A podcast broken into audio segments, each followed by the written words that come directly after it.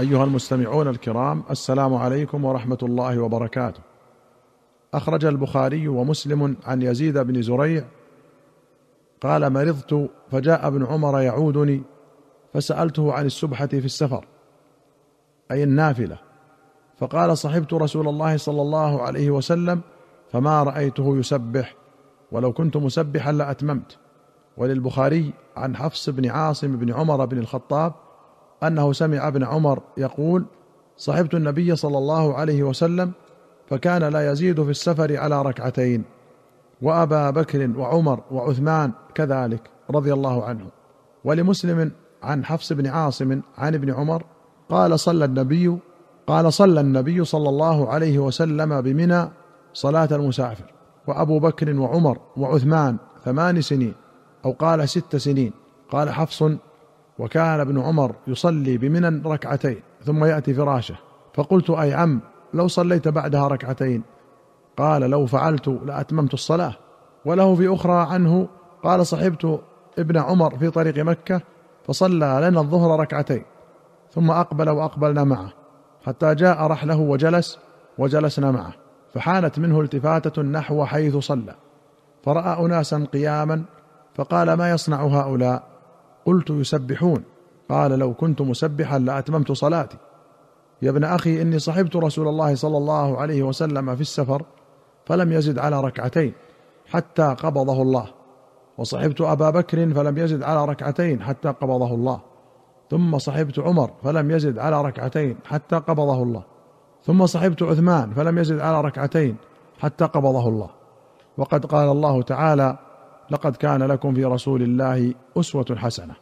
قال النووي قوله لو كنت مسبحا لأتممت أي لو اخترت التنفل لكان إتمام فريضتي اربعا أحب إلي لكن السنة القصر وترك التنفل ومراده النافلة الراتبة مع الفرائض كسنة الظهر والعصر وغيرهما.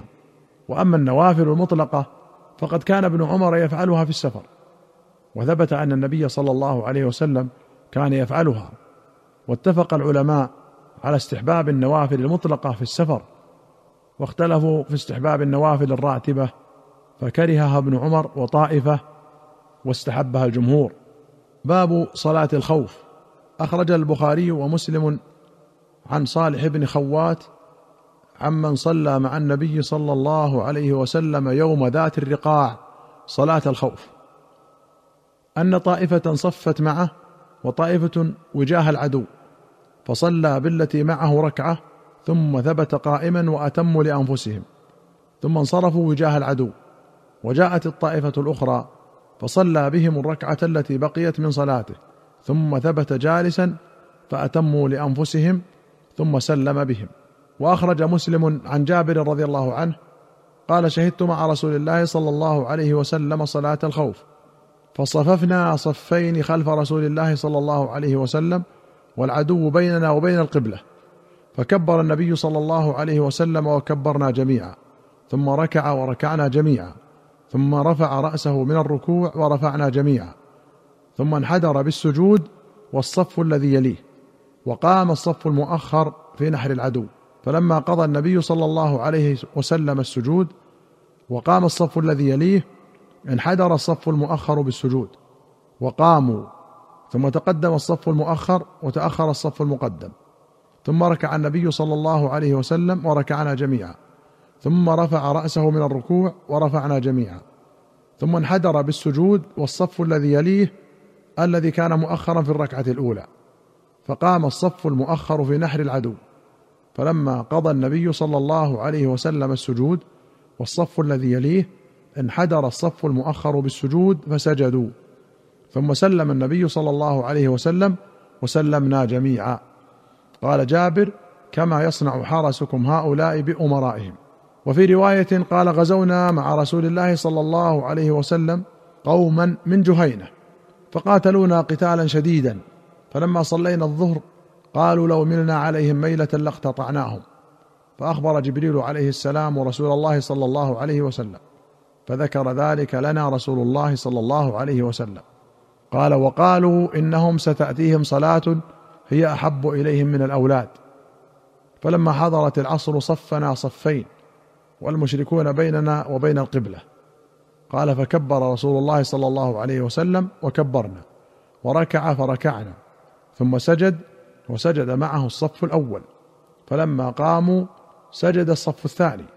ثم تأخر الصف الأول وتقدم الصف الثاني فقاموا مقام الأول فكبر رسول الله صلى الله عليه وسلم وكبرنا وركع فركعنا ثم سجد وسجد معه الصف الأول وقام الصف الثاني فلما سجد الصف الثاني ثم جلسوا جميعا سلم عليهم رسول الله صلى الله عليه وسلم كما يصلي أمراؤكم هؤلاء. روي بهذه الصفة من حديث أبي عياش الزرقي. وقال فصلاها مرتين مرة بعسفان ومرة بأرض سليم.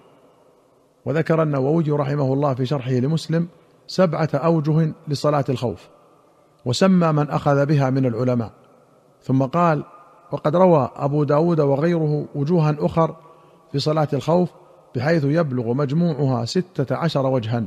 وذكر ابن قصار المالكي أن النبي صلى الله عليه وسلم صلاها في عشرة مواطن والمختار أن هذه الأوجه كلها جائزة بحسب مواطنها وفيها تفصيل وتفريع مشهور في كتب الفقه.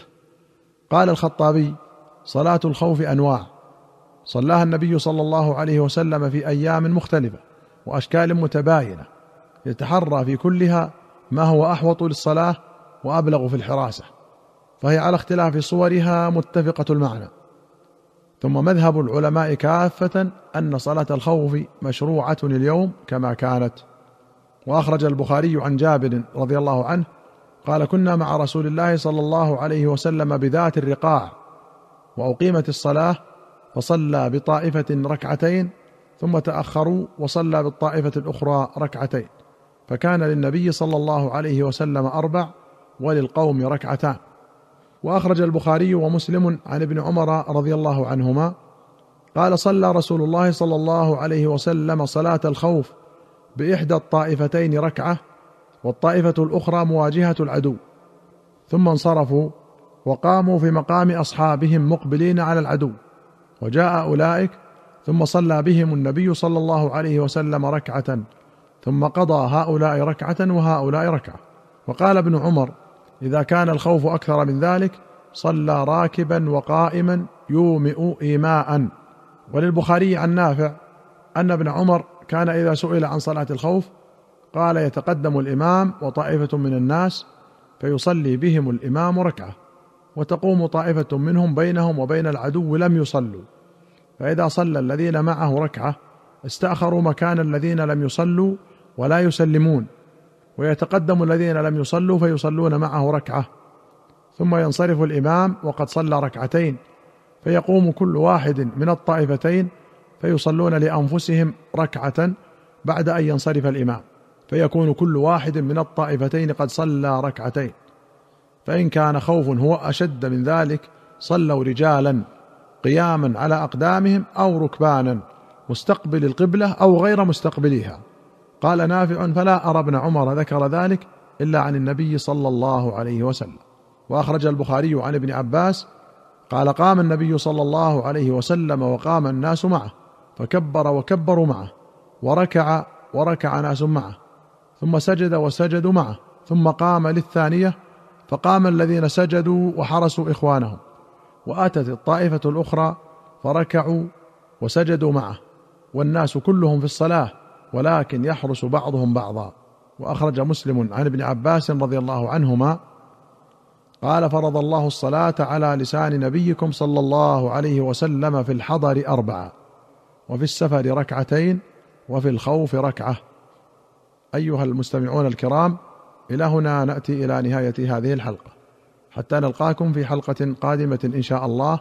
نستودعكم الله. والسلام عليكم ورحمة الله وبركاته.